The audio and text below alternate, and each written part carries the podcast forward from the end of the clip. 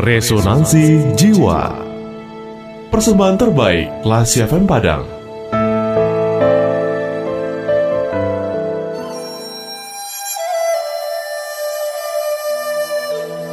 Pelajaran pertama kepemimpinan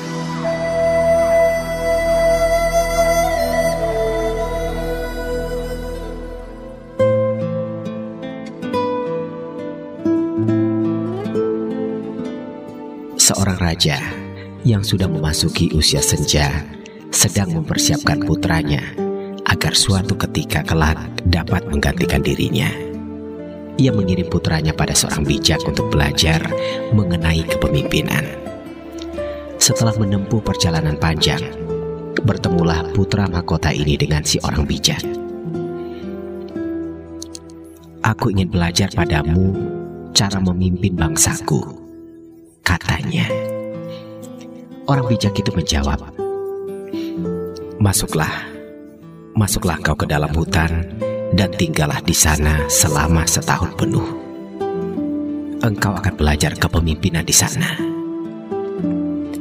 Setahun berlalu, kembalilah putra mahkota ini menemui seorang bijak. Apa yang sudah engkau pelajari? Tanya orang bijak itu. Saya sudah belajar bahwa inti kepemimpinan adalah mendengarkan. Jawabnya. Lantas, apa saja sudah engkau dengarkan?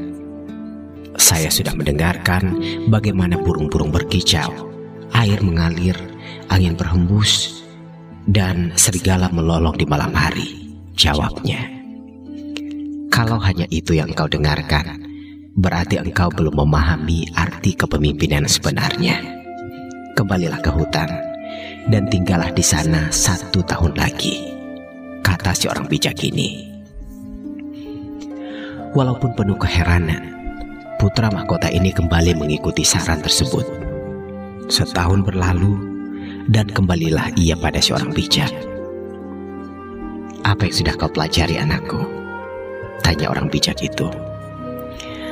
Saya sudah mendengarkan suara matahari memanasi bumi ini.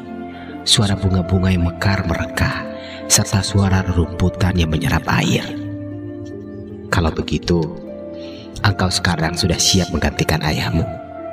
Engkau sudah memahami hakikat kepemimpinan, kata seorang bijak seraya memeluk sang putra mahkota.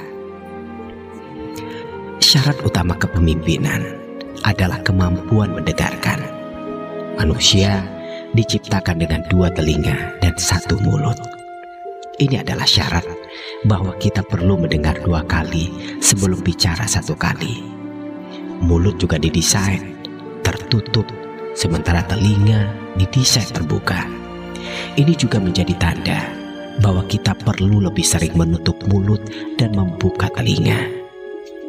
Tetapi mendengarkan dengan telinga sebenarnya baru merupakan tingkat pertama mendengarkan Seorang pemimpin perlu mendengarkan dengan mata. Inilah tingkat kedua mendengarkan.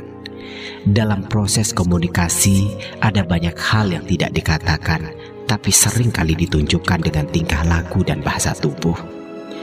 Orang mungkin mengatakan tidak keberatan memenuhi permintaan Anda, tapi bahasa tubuhnya menunjukkan hal yang sebaliknya.